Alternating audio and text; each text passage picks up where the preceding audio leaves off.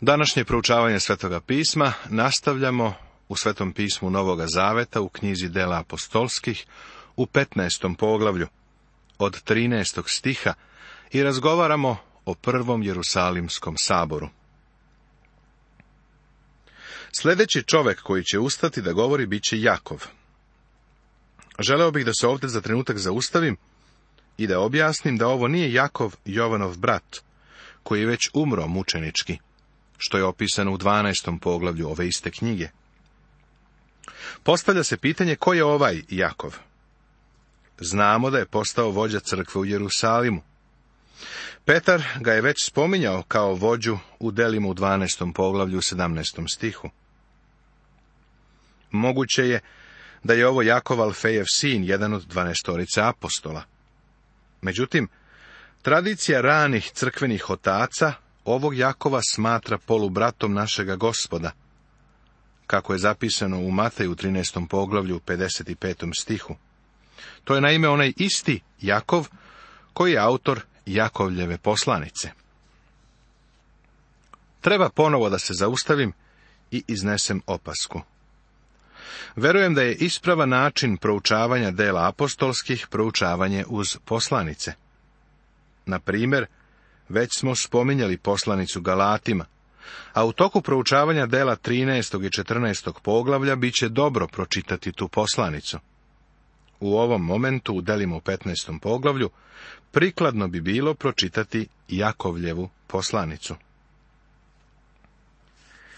Jakov će rezimirati mišljenje i sud sabora u Jerusalimu i zabeležit će božji program za budućnost.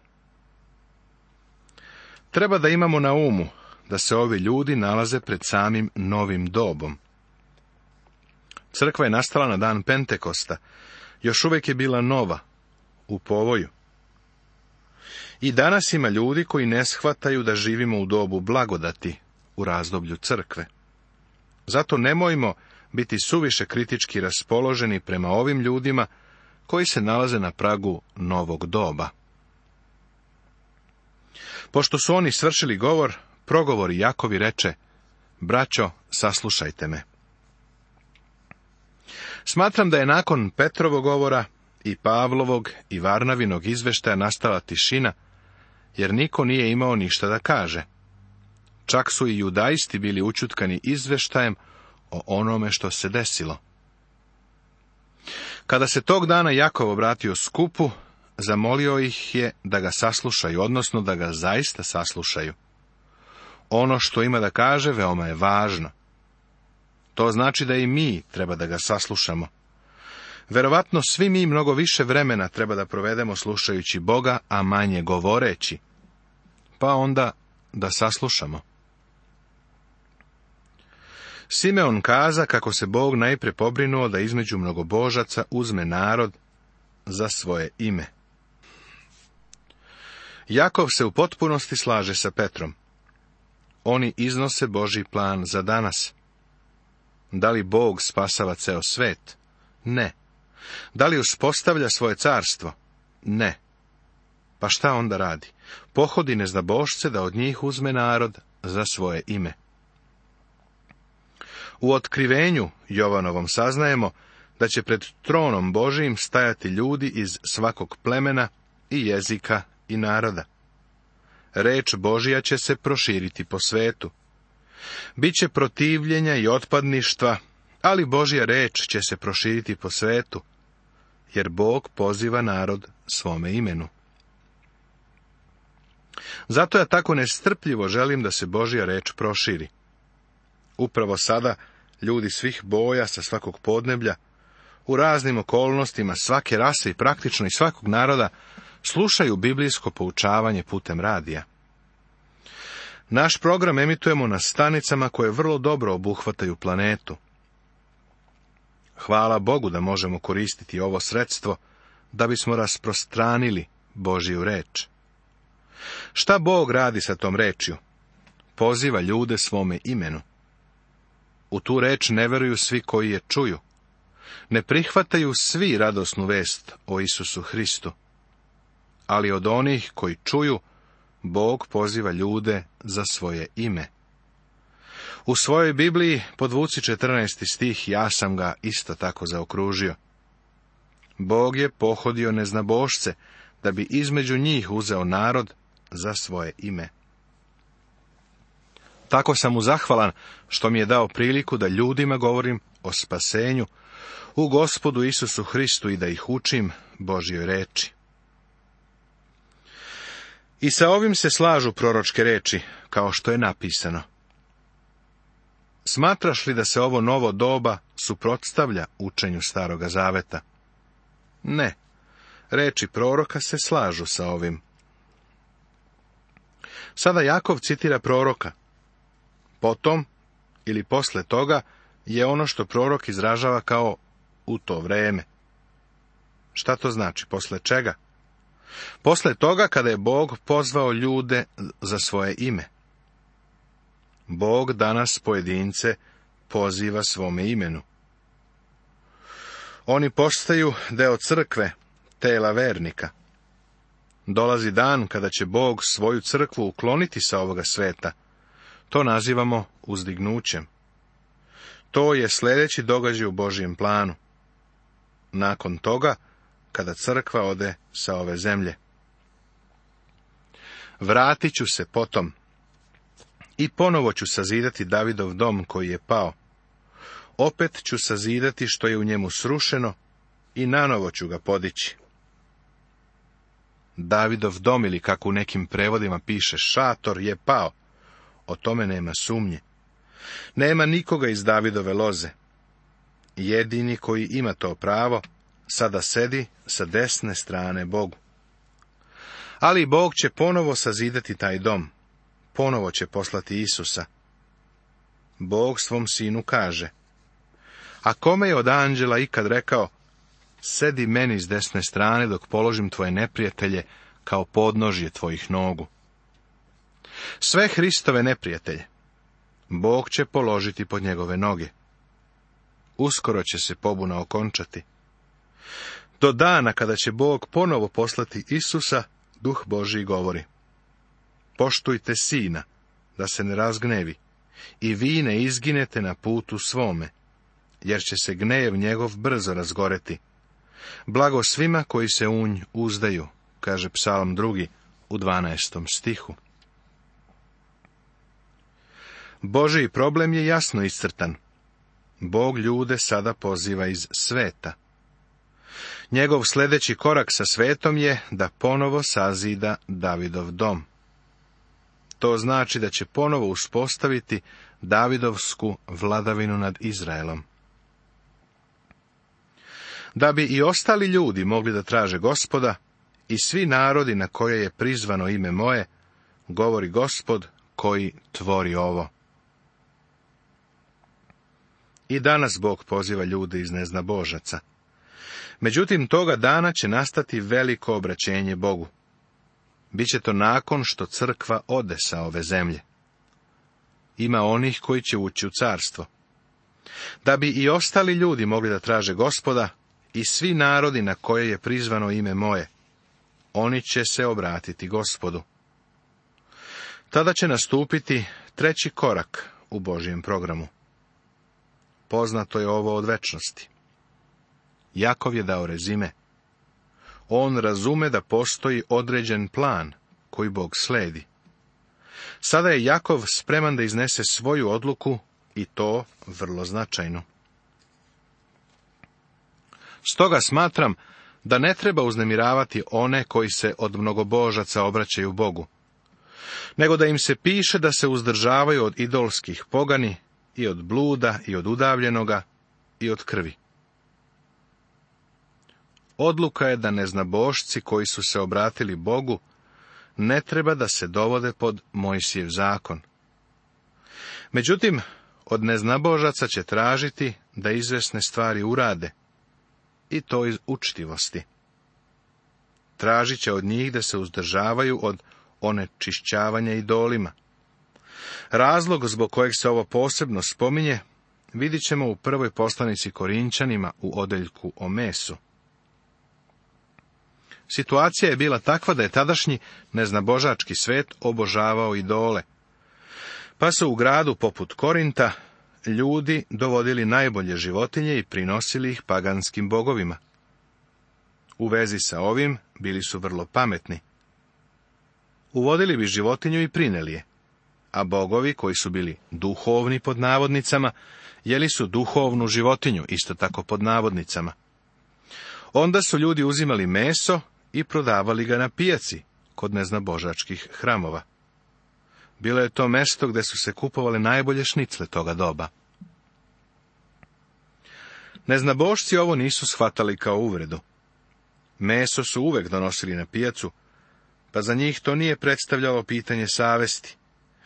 Međutim, za izraelske hrišćane ovo je bilo uvredljivo. Oni su vaspitavani i učeni da ne jedu ništa što je prinošeno idolima. Tako ovdje postoji ideja da neznabožac koji pozove brata jevrejina na ručak ne treba da ga vređa time što će ga poslužiti nečim što je bilo prineto idolu.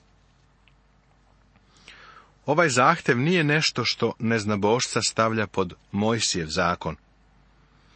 To je samo molba da ne rade nešto što bi za jevrejsku braću bilo veoma uredljivo. Također se od njih tražilo da se uzdržavaju od bluda. Ponovo treba da shvatimo njihovo poreklo, da bismo uvidjeli zašto se to ovde određeno spominje.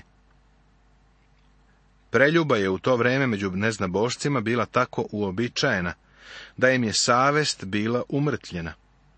U stvari, preljuba je bila deo religijskog rituala.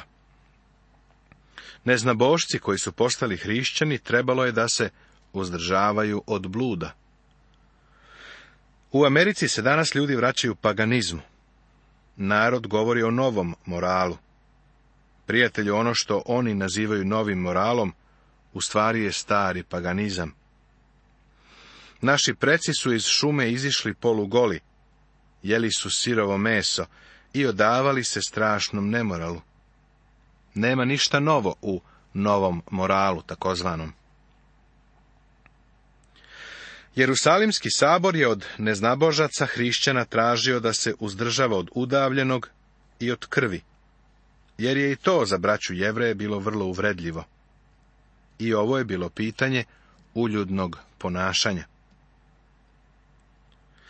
Jer Mojsije ima svoje propovednike u svakom gradu od davnih vremena. Čita se po sinagogama svake subote. Mislim da bi trebalo da načinimo pregled onoga što je Jakov rekao. On crkvu uklapa u program proroka, iako crkva nije predmet proroštva.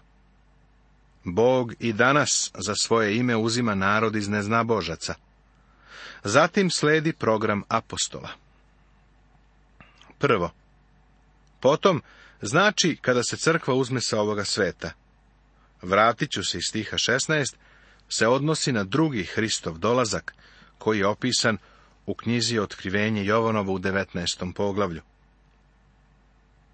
Drugo. On će sazidati Davidov dom koji je pao, kaže stih 16. Treće, kada se Hristos vrati, ostali ljudi će tražiti gospoda, kaže stih 17. Onda će svi narodi biti u carstvu u to vreme, Značajno je da uporedimo ovu razliku. Između neznabožaca stih 14. i svi narodi stih 17. Objavljivanje odluke sabora. Tada apostoli i starešine sa svom crkvom odlučiše da izaberu između sebe ljude i da ih sa Pavlom i Varnavom pošelju u Antiohiju. Judu koji se zvao Varsava i silu, vodeće ljude među braćom, te poslaše po njima ovo pismo. Apostoli i starešine vaša braća pozdravljaju braću iz mnogoboštva koji su u Antiohiji i Siriji i Kilikiji. Ovde su spomenuti neki novi ljudi.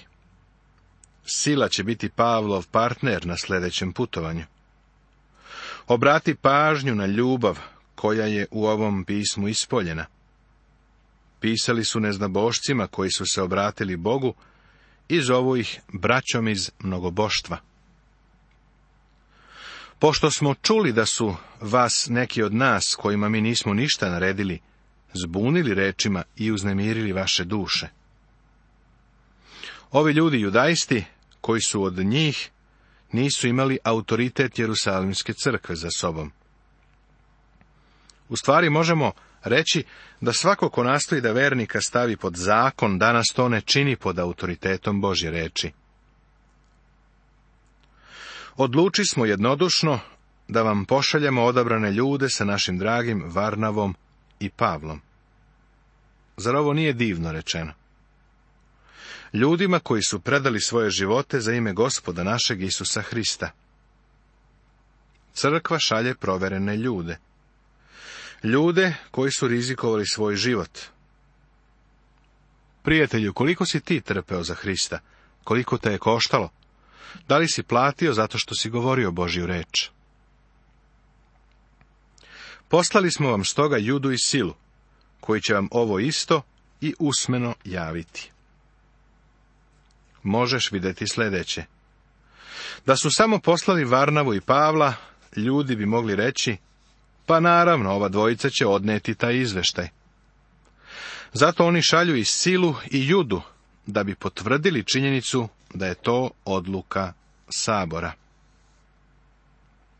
Odluči smo, naime, duh sveti i mi, da vas ne opterećujemo ničim drugim, sem ovih potrebnih stvari. Odluči smo sveti duh i mi. Duh sveti ih je vodio u donošenju ove odluke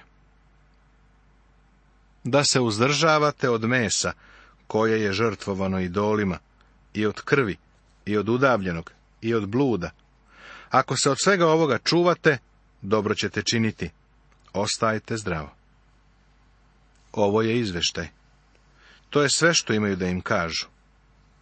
Od vernika koji su potekli iz neznaboštva, ne traži se da ispunjavaju ništa iz Mojsijevog zakona, nego da vode računa o onima koji to čine – posebno kada je reč o mesu koje se prinosilo idolima i naravno da se ne odaju bludu. Tako oni otpraćeni siđeše u Antiohiju, sakupiše narod i predaše poslanicu. A kad je pročitaše, obradovaše se utesi. U evanđelju imamo ohrabrenje i utehu. U zakonu nalazimo samo osudu. Zakon osuđuje, Zakon je ogledalo. Kada se pogledam u njemu, kažem, o, gospodine Megi, ali ste ružni, lišeni ste Božje slave. A evanđelje kaže, dođite Bogu, On želi da vas primi. On će vas spasti svojom blagodaću. Vidi što je uteha. Juda pak i Sila, koji su i sami bili proroci, mnogim rečima utešiše i utvrdiše braću. I pošto su proveli onde izvesno vreme, braća ih otpratiše sa mirom k onima koji su ih bili poslali. Sila pak odluči da ostane onde. Očigledno je da su se Pavle i Sila dobro slagali. Sila je očigledno voleo Pavla i uživao je u radu sa njim. Zato je ostao tamo, u Antiohijskoj crkvi. Sigurno je bio uzbuđen zbog rada sa ovim vernicima iz mnogoboštva. U svakom slučaju, ostao je. A Pavle i Varnava boravili su u Antiohiji učeći i propovedajući sa mnogim drugima reč gospodnju. Pavle i Varnava su u stvari bili pastiri tamošnje crkve. Planovi za drugo misionarsko putovanje. Posle nekoliko dana Pavle reče Varnavi, Hajde da se vratimo i posjetimo braću po svim gradovima, gdje smo objavili reč gospodnju, da vidimo kako su. Pavle se starao o crkvama. Bila je to istinska briga za vernike. Poznajući promenljivost Galata, smatrao je da bi bilo dobro da ponovo tamo ode i posjeti te crkve. A Varnava je hteo da povedu sa sobom i Jovana koji se zvao Marko. No Pavle je smatrao da ne treba povesti čoveka koji ih je napustio u Pamfiliji i nije pošao sa njima na posao. I dođe do zaoštrenosti. Tako da se rastaše jedan od drugoga. Varnava uze sa sobom Marka, te otplavi na Kipar. U izveštaju se Varnava više ne spominje. On je otišao na Kipar i tamo je imao divnu službu. Varnava je poticao sa Kipra, to je bio njegov dom. Imao je želju da evanđelje odnese svome narodu. Iz tradicije znamo da je tamo imao divnu službu, a da se sa Kipra ta služba prenela na Severnu Afriku. U ovom momentu Varnava isplovljava sa stranica pisma. Biblija nam ne daje podatke o njegovoj službi. Odavde ćemo dalje pratiti Pavla. Pavle pak izabra silu i otide. Predan od braće blagodeti gospodnjoj. Prolazio je kroz Siriju i Kilikiju i utvrđivao crkve. Crkva sada ima dva misijska projekta, dok je pre imala samo jedan. Varnava ide u jednom, a Pavle u drugom pravcu. To je Božji metod. Bog će upotrebiti oba ova čoveka. Pavle je doveo silu, a braća su ih preporučila blagodati Božje. Poštovani slušalci, ovim smo završili 15. poglavlje knjige dela apostolskih. U našem narednom programu nastavljamo sa 16. poglavljem.